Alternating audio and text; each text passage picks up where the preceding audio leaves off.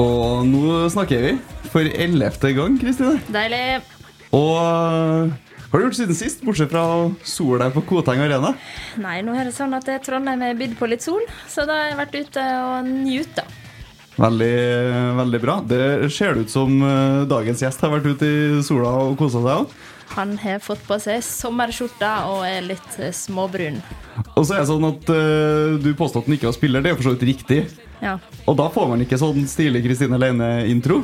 Nei, da, det er liksom spilleren får det lille ekstra, da. Ja. Men uh, det blir vel ingen problem å introdusere neste gjest.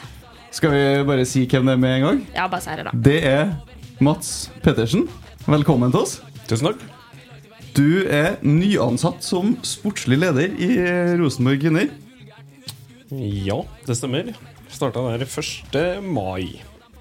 Ja, for det, Wow. Det og Du starta offisielt 1. mai. Ja. Ja, For at det kom ut i media. Det syns jeg var litt gøy. For på onsdagen eller noe sånt Så hadde Adressa en sak i tolvtida om at han her er Rosenborgs nye sportslige leder. Så gikk det en time til, og så hadde du signert din første spiller.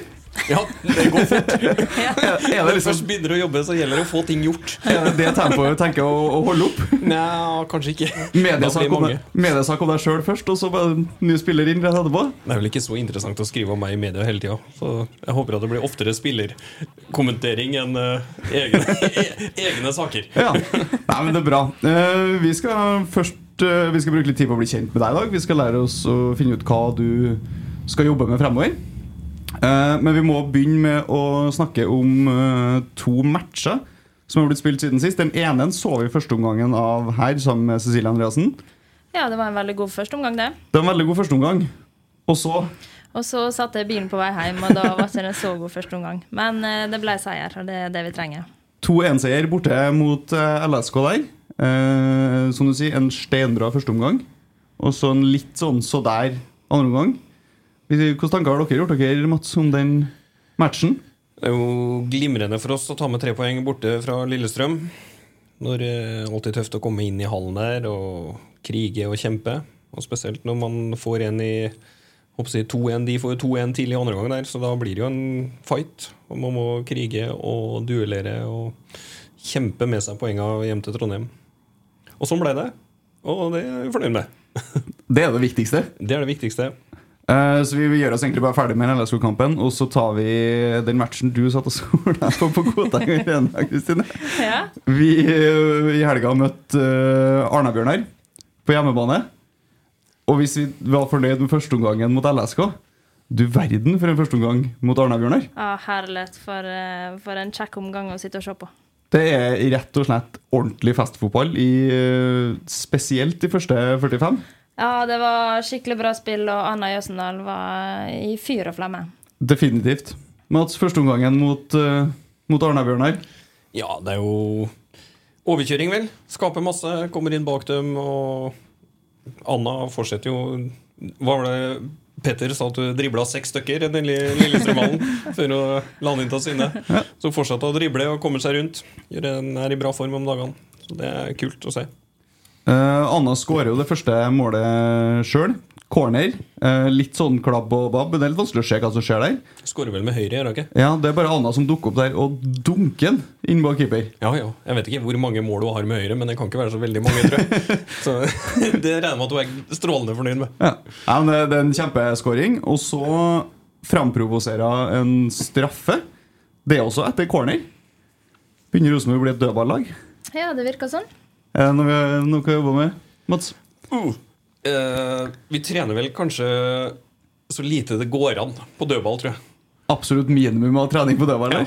Ja. Men eh, Robin, som eh, har ansvar for det, han eh, er jo litt mer strukturert på tida, i hvert fall på når møtene er. Så, så kanskje det hjelper. Ja. Men eh, vi er jo et farlig dødballag. Vi har eh, bra fysikk og gode servere. Mm. Så da skjer det ting på dødballet, og det er fint. Da lager Anna Jøsendal Hun lager ikke, hun får straffe. Eh, Ja, men det må jo eh, Hun må jo få det òg. Så Absolutt. det er jo klart hun er, hun er i posisjon og blir felt, så det er riktig straffespark, det. Elin Sørum, sikker som banken på, på straffen. Ja, hun eh, så vel ut som hun bare skulle opp på ei trening og ta ei straffe. Hun er så sikker og rolig at det, det var ingen som var nervøs for det. Anna Jøsendal-show fortsetter på 3-0.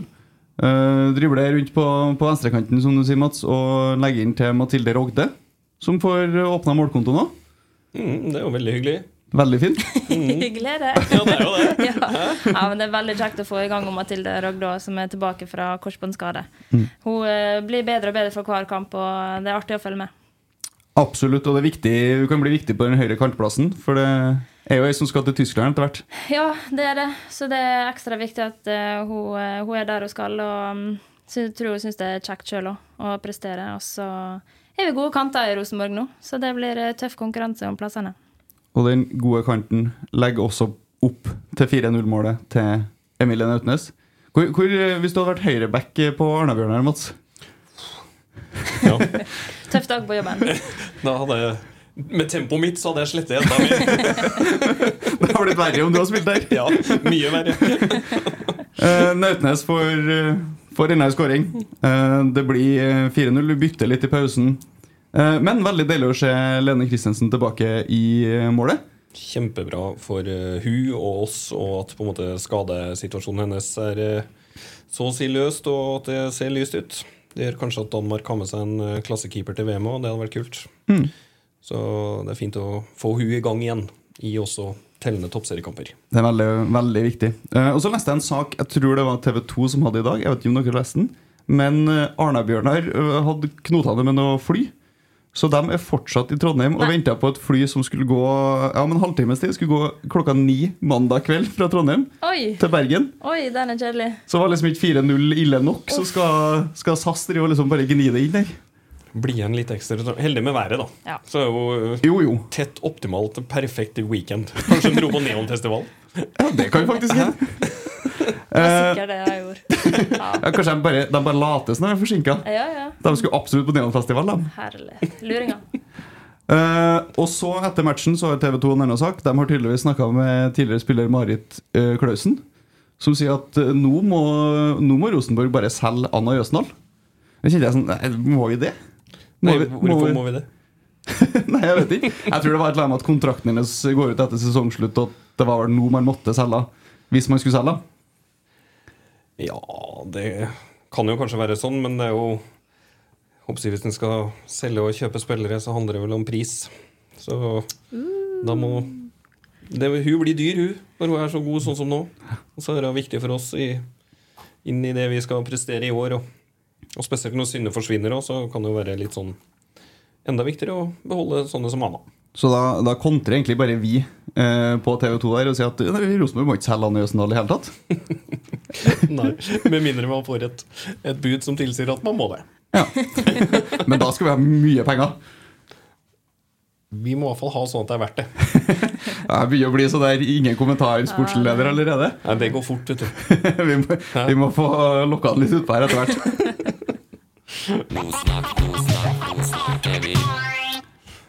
Men Mats, du er jo virkelig ingen uh, førstereisgutt i eh, Rosenborg kvinner, eller gamle Trondheimsølen. Eh, vi snakka så vidt før vi starta opptaket her. Vi, både jeg og du trodde at du har vært her siden 2009. Ja, det begynner å bli såpass mange år, så jeg er litt usikker på når oppstarten egentlig var. Kan du, vi, må, vi må få høre litt hvordan du kom inn i gamle Trondheimsølen. Hvordan var veien din inn i klubben? Uh, veien min inn det var faktisk at jeg hadde, mens jeg studerte i Trondheim, så hadde jeg en fetter som var daglig leder i Fløya oppe i Tromsø.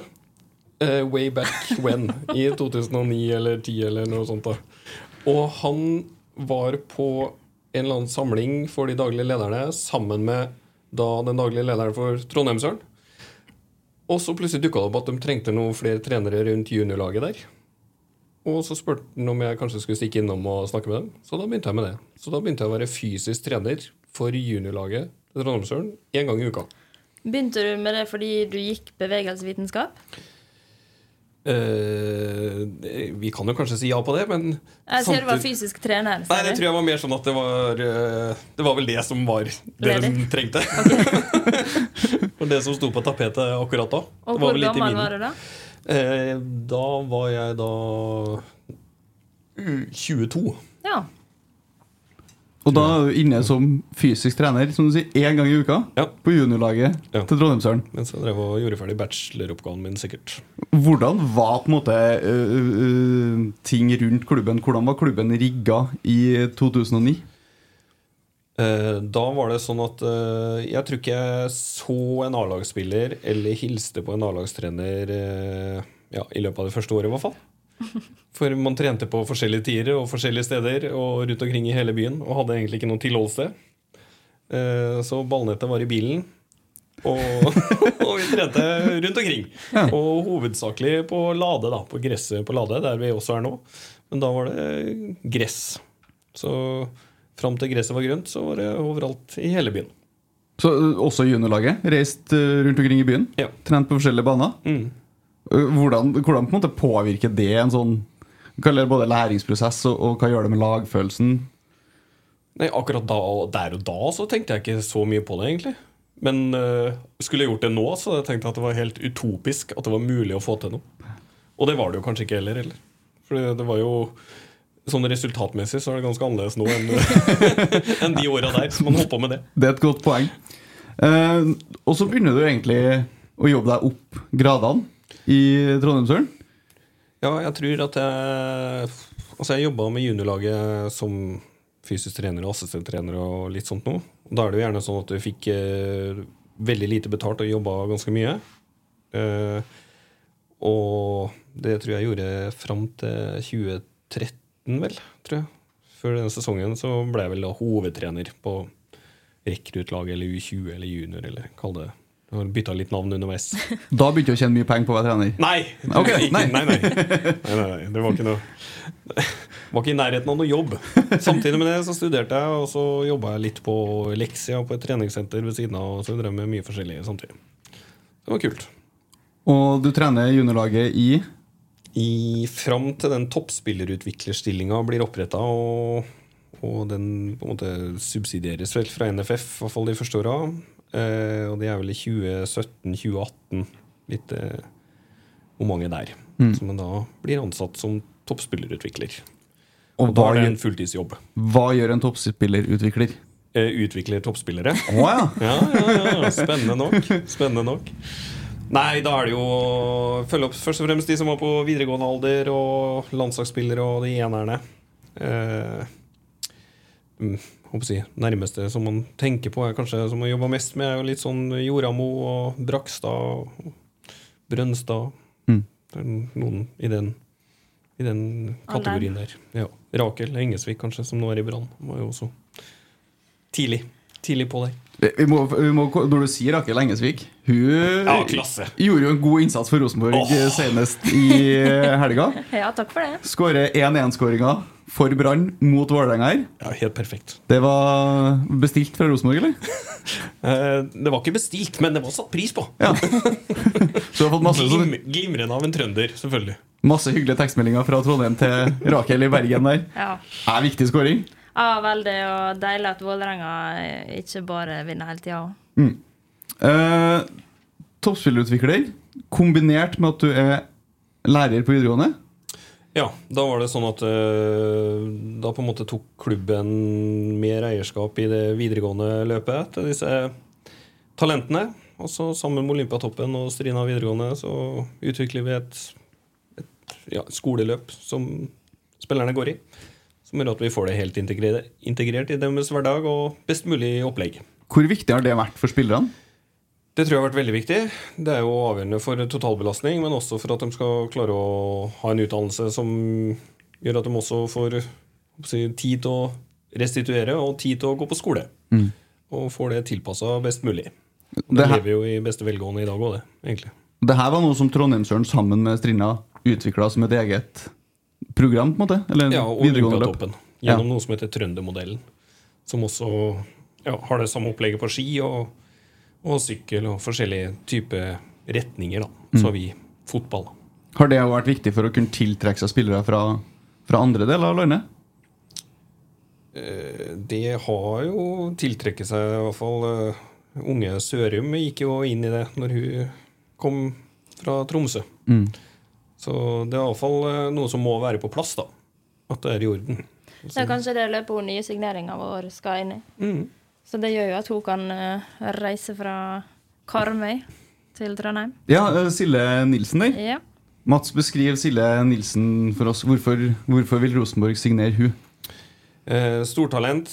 Midtbanespiller som allerede egentlig har bevist at hun kan spille på høyt nivå. Eh, stor eh, fotballforståelse. Pasningsferdigheter. Eh, ganske kvikk i nærspillet sitt. Og tror at hun passer veldig godt inn i spillestilen vår. Samtidig så er det ekstremt gode skussmål på personlighet og type. Og det tror jeg blir veldig spennende. Og hun kommer til Trondheim. Hun kommer til Trondheim eh, ja, i løpet av sommeren. Så Ja. hun blir jo spilleklar for oss fra 1. august. Ja, det er spennende. ja, veldig. Det, Var det mange som var interessert? eh, Andre klubber som vil ha henne òg? Eh, jeg tror at hun syntes det var i hvert fall eh, artig at Rosenborg eh, tok kontakt. Eh, så det er jo alltid sånn med disse unge og gode spillerne, så er det mange som er interessert. Det har jo blitt sånn. Ja.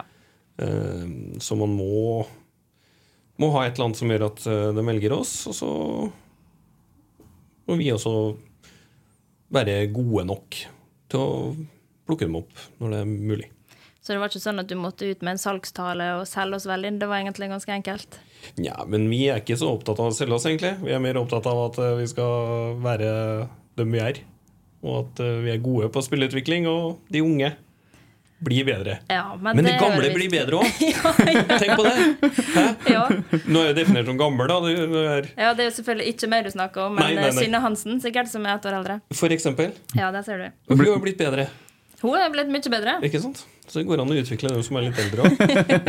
Det er kult. Uh, fra toppspillerutvikler uh, så blir du sportslig leder. Hadde du noe jobba imellom der òg? Nei, jeg hadde ikke noen annen tittel imellom der. Nei. uh, men det er jo litt sånn Det er jo ulike trenerregimer på veien der. Og um, ja, så har jeg nå jobba med A-laget og med juniorlaget og med skole og hele den i det i den leia der. Det er vel ingen rolle du ikke har hatt. Jeg holder på med veldig mye forskjellig, og så er jeg litt sånn praktisk eh, type. Så jeg liksom prøver å ordne opp når, når det er en flybillett som ikke er bestilt, altså, eller at det er noe styr på en flyplass, eller et eller annet, så må noen ta tak i det, og det er ofte meg. Er det for at du liksom er en sånn løsningstype? Jeg tror det. Ja. Får ting gjort? Personlighet. Det var vel senest i forgårs at han fikk en mail om noen spillere kunne stille opp på ditten og datten. Og to minutter etterpå så var det fiksa og ferdig, og sånn. Ferdig. Neste. Så han er ekstremt effektiv. Takk skal du ha. Leine har god eh, oversikt over det, for hun pleier å kjede seg litt. Så hun pleier å komme innom eh, på kontoret. Jeg må passe på at jeg gjør jobben sin. Så hun kommer innom på trenerkontoret med et par kaffekopper, setter seg ned. Gjerne, da ryker gjerne en times tid. og prater om alt og ingenting. Er veldig nysgjerrig. Mm. Ja, så da får han med seg litt innimellom. En Jeg har hørte, jeg hørte at han Mats han gikk rett fra uh, spillerutvikler til sportssjef, så jeg tenkte kanskje at jeg kunne- gå fra spiller til uh, ja, sportssjef jeg òg. Så du holdt på å jobbe deg inn, egentlig? Ja, jeg hørte at uh, Sportslig apparat i Rosenborg? det går an. Ja. Så bare vent. Nei da. Det er vel ikke bare deres time, det er min egen treningstid som ryker også. Det er vel eh, pro, hva det heter prokrastinering. Prokrastinering. Ja, det heter det. Ja. Men det er veldig hyggelig, da. Ja, Ja, ja, ja. ja. Det er Det er viktig, det òg. Ha det hyggelig når man er på jobb. ja, du hadde vel ikke vært fremmed for å kaste dem ut hvis eh, Eh, nei, det hadde vært bra. Ja. Den er god. Klar beskjed. Nå er det nok. Adjø. Ja. Ja. Nå skal vi faktisk jobbe her. Ja. Nå må vi gå og gjøre noe annet. Ja. Eh, jeg noterte ned bare litt sånn spørsmål underveis. Eh, men eh, fra du kommer til Trondheimsøren i 2009, er det noen som er igjen, bortsett fra deg? Er det noen som var i klubben da, som fortsatt er der? Nei, det tror jeg vel ikke.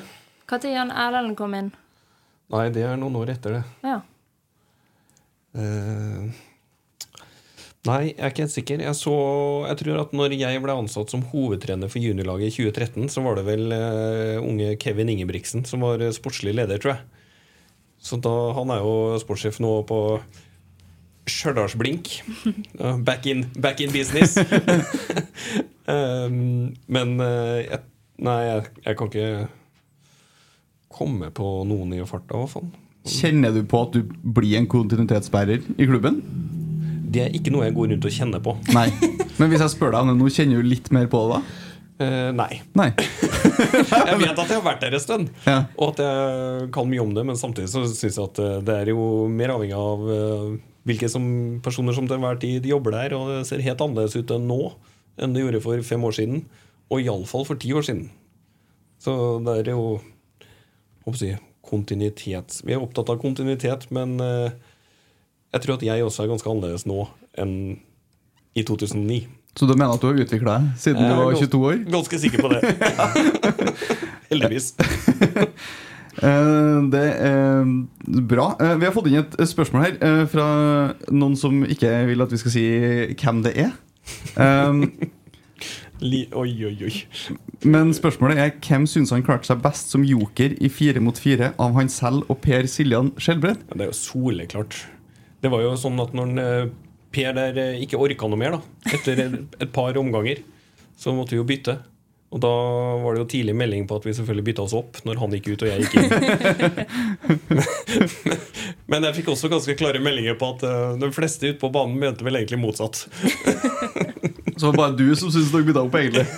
Jeg må i hvert fall eh, gå ut såpass høyt, men uh, Null ydmykhet, i hvert fall. det er vel ikke noe, det er vel ikke noe tvil om at han uh, holder et høyere nivå enn meg. Ja. Nei, ikke si det, da, Mat. Ikke vær så streng med deg sjøl.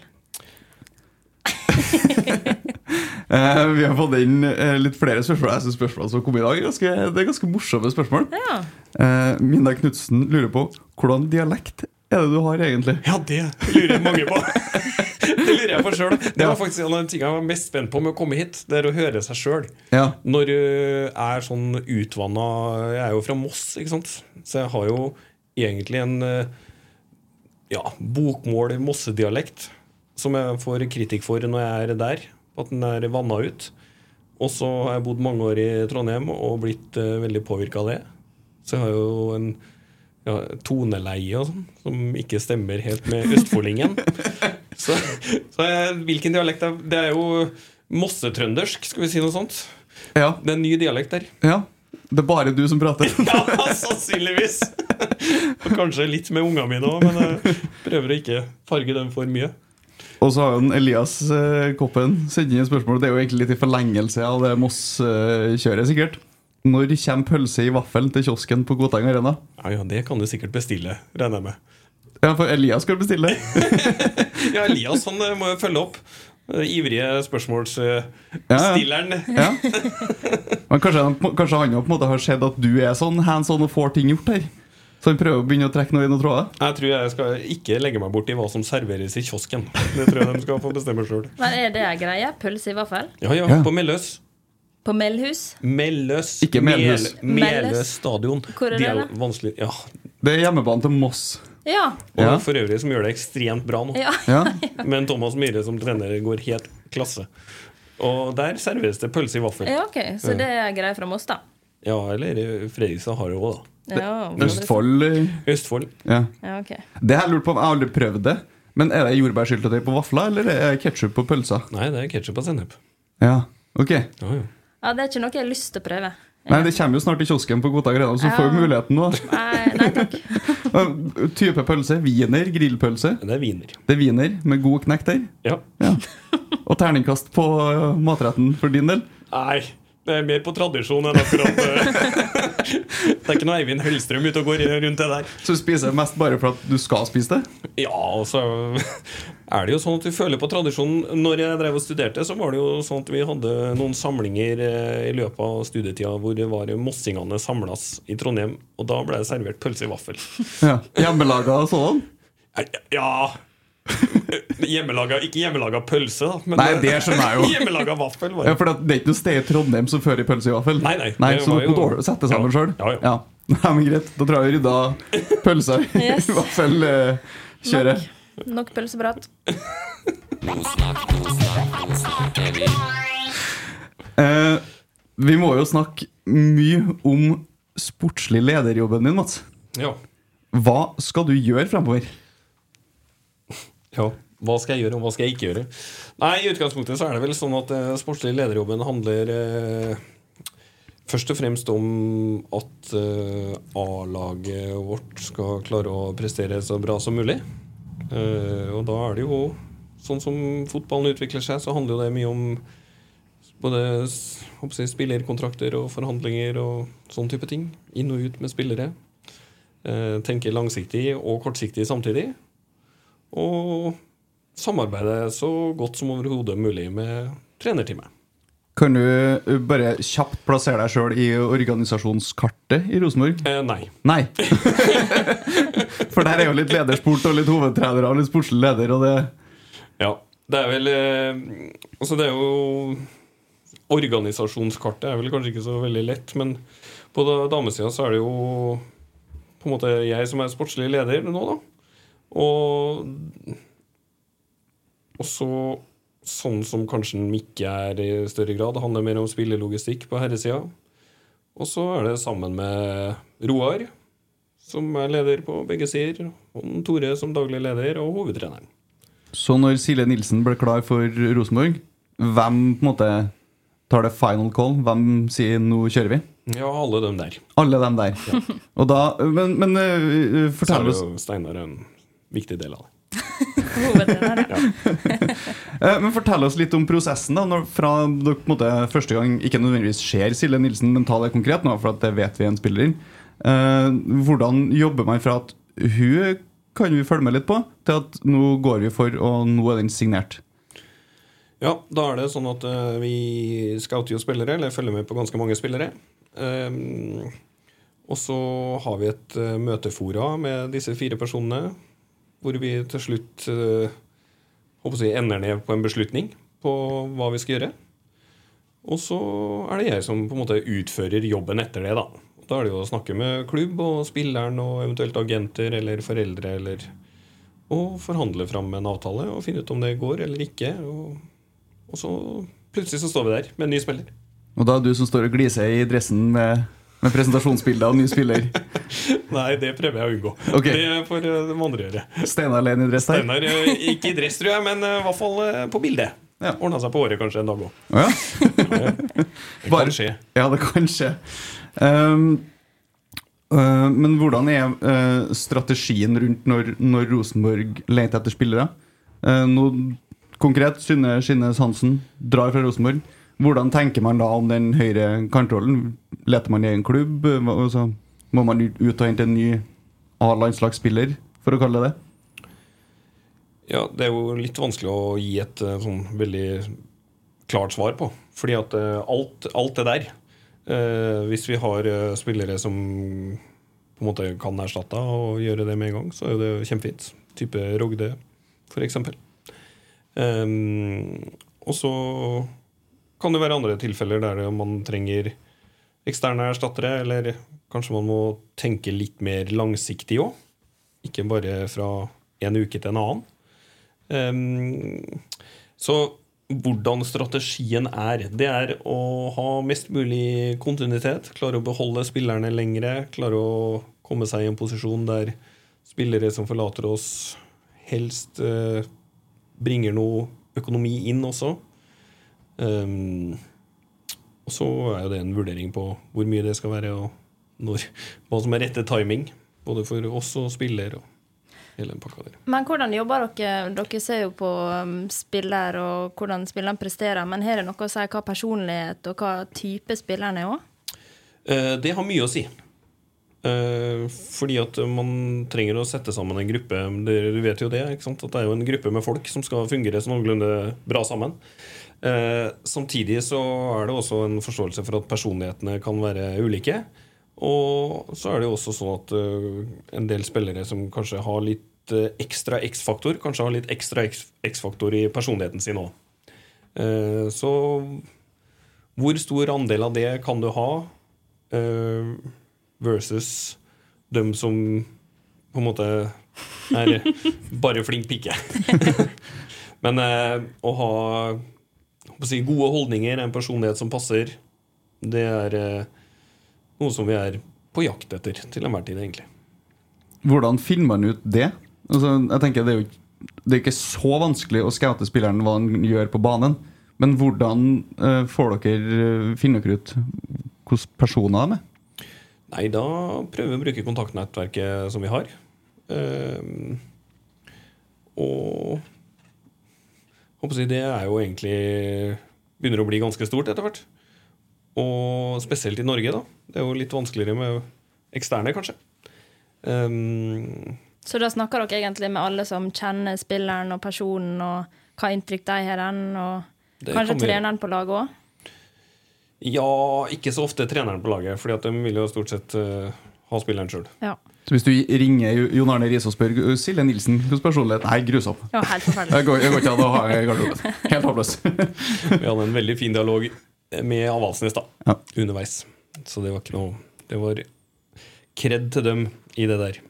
Jeg må jo gi en liten shout-out til Mats Aara. Det, det er en veldig god sportssjef vi har fått inn. som er, Han er effektiv, han er en, eh, en fin person å prate med, og han har liksom peiling. Han er mye ute og ser mye fotball og er en god trener, så det er en allsidig mann vi har fått på, på sjefsstillinga der. Wow! Ikke bli for høy på det sjøl, men eh, det måtte sies. Prøv å unngå det. Tusen takk. Eh, eh, hvordan er det, det markedet eh, Rosenborg jobber i for å hente spillere? Altså, har det endra seg de siste årene? Du har ikke vært sportssjef så lenge, men du har jo hatt en finger med i spillet en god stund. Ja, det har jeg, men jeg har ikke hatt så veldig mye oversikt over uh, egentlig økonomien i det tidligere, da, så det er litt vanskelig å si noe om.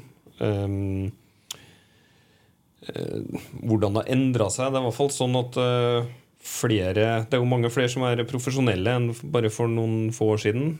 Og det er jo oftere og oftere snakk om hvordan overgangssummer og, og hvordan både vi i Norge og ut til verden skal, skal lære oss til å utvikle det videre. Um, men ja, hvor mye da Hvor stor forskjell er det, syns jeg er litt vanskelig kanskje å si så mye om akkurat fra med min erfaring i det. Du er relativt ny sånn i den delen av det. Den delen er jeg litt fersk på. Ja. Så jeg driver og prøver å få meg noe opplæring på noe litt sånn økonomi, økonomidelen av det. Må jeg få litt eh, hjelp til å begynne med av en Tore og August og noen flere i organisasjonen. Ja, for, men får du et kall et overgangsbudsjett å forholde deg til? Og så er det innenfor de rammene her, så er det liksom Det fikser du? Eller? Nei, det er jo sammen med de andre i på en måte, sportslige vurderinger av Steinar i hovedsak, og meg og Roar. og- Men det, det står ikke på budsjettet eh, 10 millioner, kjøp spillere. Eh, på ingen måte. Øremerka Mats Petersen der. Nei. Nei. Altså ikke, ikke øremerka deg, men krise. Nei, det er flere øyer, og det er eh, en viktig del av det òg.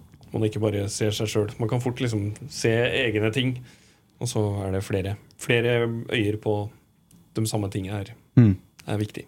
Er det det, det norske markedet Rosenborg først og fremst jobber i, eller ser vi, jo, ser vi også ut av både landet og resten av kontinentet først? da? Altså, hvor, hvor bredt jobber Rosenborg med å, med å se spillere? Uh, vi ønsker jo å være et lag, og er jo veldig mange nordmenn i laget vårt, og trøndere. Uh, og det kommer vi til å fortsette å ha. Uh, men så har vi jo noen innslag fra, fra, fra det store utland akkurat nå også, med Danmark og Island. Og det er naturlig å tenke at det er i de områdene der. Og så er det en av de tinga som jeg tenker at jeg er mest spent på hvordan det ser ut om tre år, eller fem år, kontra nå. Eh, vi skal tørre å være oss sjøl i det, og ikke gjøre sånn som alle andre gjør, og ha vår egen plan. Så det blir spennende å se. Så tør å stå på det nordmenn-toget? Ja, og i hvert fall eh, tørre å prioritere eh, ja, trøndere og ha tro på dem vi har, og kontinuitet over tid er jo noe som vi trenger og kan fortsette å bygge på. Spennende.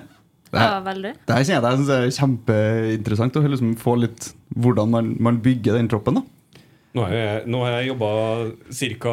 en og en halv måned, eller? Ja, Og du har signert én spiller. Ja, Ja. Det er bra, det. Ja, Men det har jo noe å si ut av det, at vi har trøndere på laget som kan eh, nå ut til flere. Det er jo litt mer stas å ha trøndere i, i laget for uh, lokalbefolkninga og, og de som følger med. Ja, det er jo en fin greie å få opp unge egne også.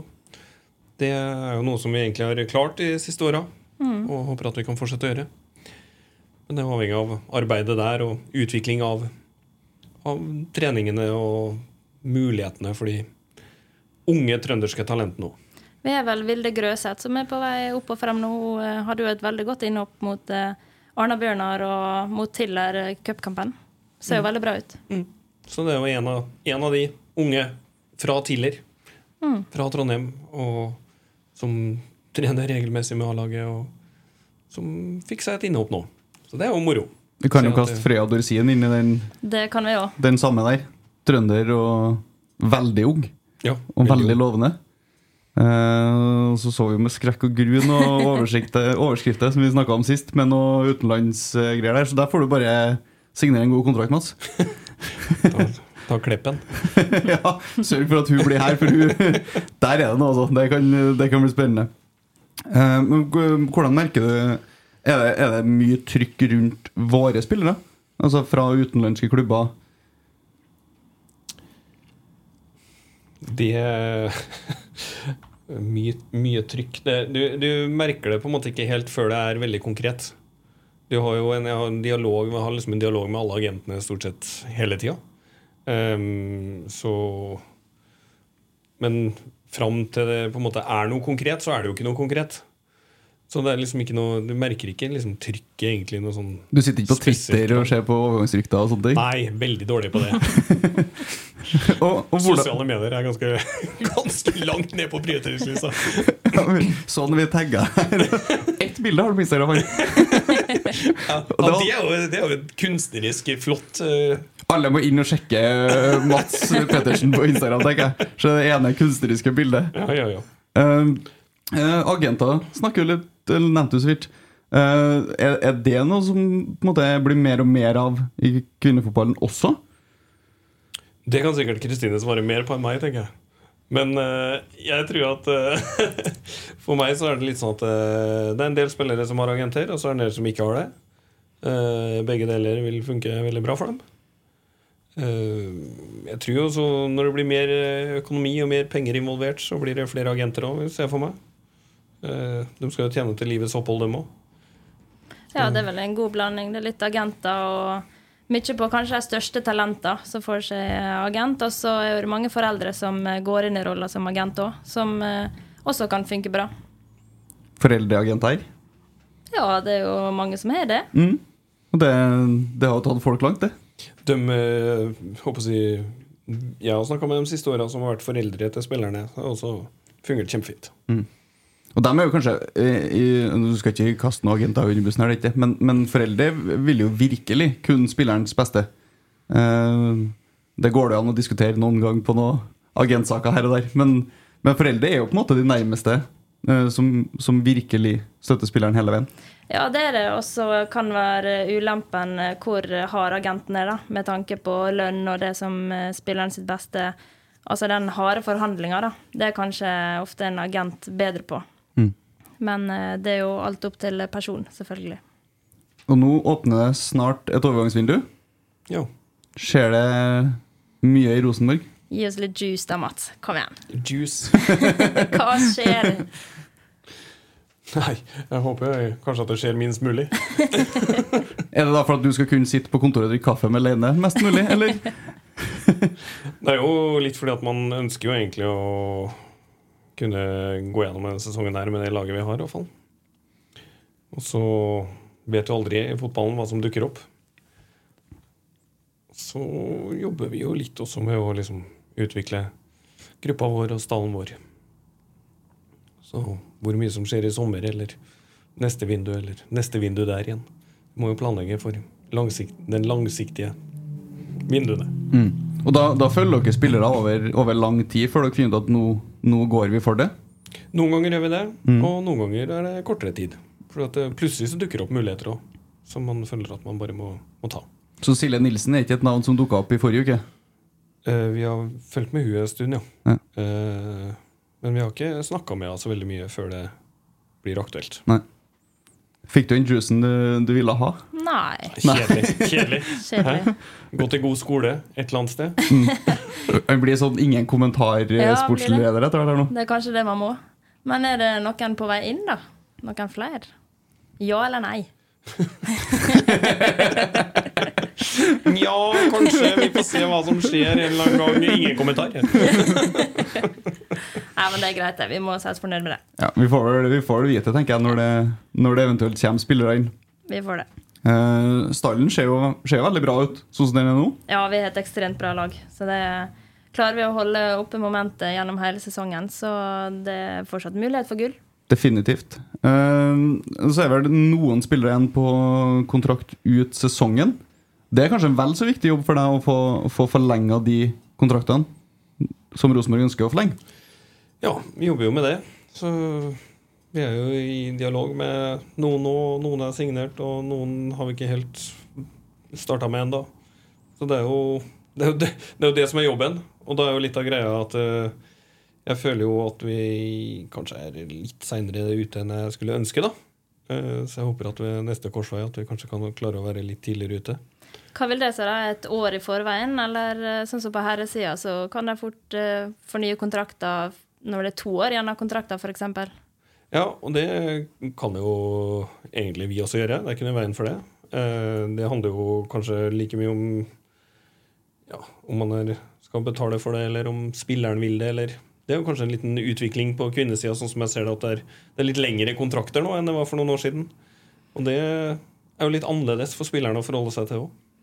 Ja, og så kan det være vanskelig med tanke på eh, Altså, økonomien i kvinnefotballen er fortsatt ikke veldig bra med tanke på um, de middelsklubbene. Da, så kanskje det er skummelt for spillere å skrive under fordi andre klubber ikke har veldig mye penger til å kjøpe ut. Hvis man skulle fornye med tre år, så er det ikke bare å kaste ut to millioner fra en annen klubb eh, hvis de vil kjøpe f.eks. Anna, da. Um, så det kan jo også være et hinder i at spilleren vil skrive under. Men uh, det blir jo bare bedre og bedre økonomi, så det blir jo spennende å se utviklinga, da. Jeg mener, husker En av de siste sesongene som Trondheimsjørn her, så har de kjørt liksom adressa eller det var egentlig hver sesong, så kjørte Adressa en sånn lang liste med disse 13 spillerne har én måned igjen av kontrakten når det var oktober. Uh, og liksom, jeg meg Det var en utrolig stressende jobb å sitte og forholde seg, forholde seg til mot slutten sånn. Jeg lurer på om uh, et år så lurer jeg på om, om uh, si, den Var det daglig leder eller styrelederen eller i Trondheimsjøen satt og signerte kontrakter oppe i Abrahallen en, en vinter. For kommende sesong. Å oh ja, før sesongen? Ja, jeg tror det. Type januar-februar-aktig der? Men det er liksom eh, Vi må prøve å unngå det, da. Ja. At vi har eh, så mange, og så må vi klare at eh, måte, klubben får styrt det litt dit, vi, dit man vil òg. At det ikke at det ikke er så mye tilfeldigheter i det.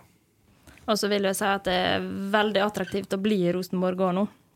Det er jo ikke sånn at uh, spillere venter på tilbud. Man uh, har det veldig godt i klubben og ønsker gjerne å fortsette å spille her òg. Ja, det skjer, Rosenborg er jo på vei til å bli på en, en, en stabil europeisk klubb. Det ble Champions League-kval denne sesongen, men uh, vi er jo på vei dit sesongen som spilles nå. Ja, det vil jeg si. Og vi er mange gode spillere som kan utrette mye og bli enda bedre med å bli i Rosenborg. Så det er ikke sånn at man må ut for å, for å utvikle seg klarer man å bli en stabil Champions League-klubb, så er jo det mye bedre enn de aller, aller fleste lag i både England, Tyskland i sånn europeisk sammenheng. Og så kan man jo diskutere kvaliteten på ligaen. Eh, men, eh, men, å bli en stabil Champions League-klubb må jo på en måte være gjøre jobben din litt lettere, tenker jeg. Da blir det helt sikkert lettere å få folk til å bli, tenker jeg. Ja. Gjør oss jo mer, mer attraktive. Og Rosenborg er jo et merkevarenavn uansett, da. Ja, merker, merker dere det når dere snakker med spillere? At, at det på en måte er litt stas å bli kontakta Rosenborg?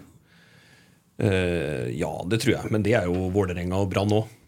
Så det er liksom ikke, det er ikke sikkert at forskjellen på det er, er nødvendigvis navnet i seg sjøl. Men det er jo måten som Steinar har utvikla laget på, måten på en måte spillere har utvikla seg her de siste åra, som også gir et ganske godt rykte og uttrykk på hvordan, hvordan vi spiller. Spiller nok en vel så stor rolle som akkurat selve navnet. Ja, for, for spillere er nysgjerrig på altså hvordan skal dere utvikle meg om jeg kommer til Rosenborg? Er det mer det? Ja, litt det, men også at man har eh, utvikla spillere over tid. da. Så det er jo litt sånn, og jeg tror ikke Leine lurer ikke på om hun kommer til å bli bedre. For Det er hun ganske sikker på så fort hun kommer seg tilbake på banen igjen. Slutte å renne dørene på trenerkontoret og drikke Komme seg ut av kontoret og ut på gresset. Ja.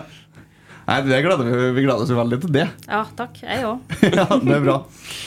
Eh, vi er kommet oss røftlig gjennom. Det ble en, en god førsteomgang i dag også. Lise, Ja, det- Rosenborg leverer gode førsteomganger. Ja, det Eh, men vi må minne om at helga, bortematch mot Lyn på NRK1 kvart på fem. Det blir en eh, veldig tøff kamp. Vi, det er vanskelig å spille borte mot Lyn, så det må ikke bli tatt lett på. Det blir tøft. Hvor spiller Lyn nå? Er, det på, er vi på Kringsjå, eller er vi Kan det være vi- Grorud, da? Ja, det kan det være. Jeg er litt usikker. det. Det er vel eh, kanskje ikke Kringsjå. Jeg er litt usikker, men jeg hørte rykte om at Grorud har vært en bane de har spilt litt på. Ja. Og så spilte jo de på Ullevål mot uh, Vålerenga. ja, det var jo gøy. At det er flere som kan måte, bruke de store stadionene. Ja, det er sant. Det er artig. Så Mats sjekka desperat nå hvor vi Ja, ja, skal kampen spille er kampen. satt opp på Grorud kunstgress, ja. Grorud kunstgress. Uten vanning. Uten vanning, det. Hørte rykte om det. Det blir Så- spennende. Hva tror du, Mats? Lyn borte? Lyn er borte. Alle bortekamper i toppserien er også krevende. Med reiser og Må liksom gjøre, gjøre forberedelsene godt nok. Og pres, prestere en ny god førsteomgang etter første, en god førsteomgang sist. Helst en andre omgang også.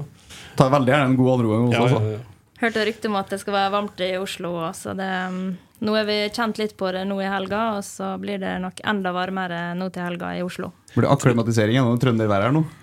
Ja, når jeg har vært heldig, da får jeg ei uke med sol og varme, så da burde jeg være litt mer vant til det. Men det er klart, det, det krever mer, og det er tyngre å springe i, i en sånn varme. Vilde, som er keepertrener, eh, som også har ansvar for en del utstyr, har vel kjøpt inn, noe, kjøpt inn noen sånne bøtter som du kunne pakke sammen flate og ha med på reise. Så vi handla inn i dag, tror jeg, til eh, sånn det er forberedt eh, høye temperaturer nede Ja. i Oslo Vi er forberedt. til helga. Det høres veldig bra ut. Da må vi bare oppfordre alle sammen til å se matchen mot Lyn, der det blir sammenlengbare bøtter og to gode omganger fra Rosenborg. Skal du nedover? Ja. Du reiser? Yes. Det blir veldig bra. Da bare se etter eh, Mats på, um, på NRK der. Da står han vel der med gullklokka si og dressen sin som en god sportsleder, tenker jeg. Det er ikke noe vits å spørre om det, for jeg sier ingen kommentar. Det blir lite dress, altså. Det blir lite dress. Ja, veldig lite dress. Tar vel med på seg trenerrolla der. En kombinert trener og sportsleder der. Ja, jeg skal være mye på banen, mye på feltet som del av trenerteamet fortsatt. Det må, det må bare bli suksess. Nei, vi håper det. Så får vi bare følge med og se om det kommer noen spillere inn. Uh, venter på noen kontraktsforlengelser. Da vet vi at det er Mats Pettersen som har, har vært på jobb. Ja, Jeg kjenner jeg gruer meg allerede. Ja, det er dine forhandlinger, Ja. Mats. Ja. Det er derfor du er så mye på kontoret nå. Det er derfor jeg gir, gir litt sånn gode ord i Ja. podkasten her, bare for å smiske litt og ja. Nei, Det blir vent- knallhardt. venter vi spent på kontraktsforlengelse til, til Lene også. Ja, ja, ja. Du får den samme lønna. Da var det avgjort, da. Den er god. Mats Pettersen, tusen takk for at du tok deg tida til å prate med oss. Takk for at jeg fikk komme. Det var hyggelig. Og så ses vi igjen eh, i neste uke, Kristine Lene. Yes, det gjør vi.